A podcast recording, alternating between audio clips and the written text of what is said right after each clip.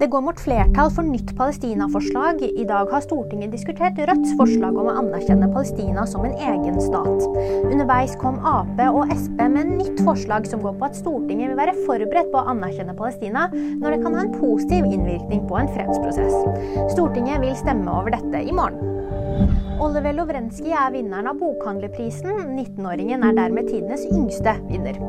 Han debuterte med romanen da vi var yngre, for bare syv uker siden. Og nå er den altså kåret til årets beste. Sofie Elise deler gladnyhet. Den kjente influenseren venter barn med samboeren Vegard. Hun forteller at hun er omtrent fire måneder på vei, og at hun har termin i april. Og husk, nyheter finner du alltid på VG.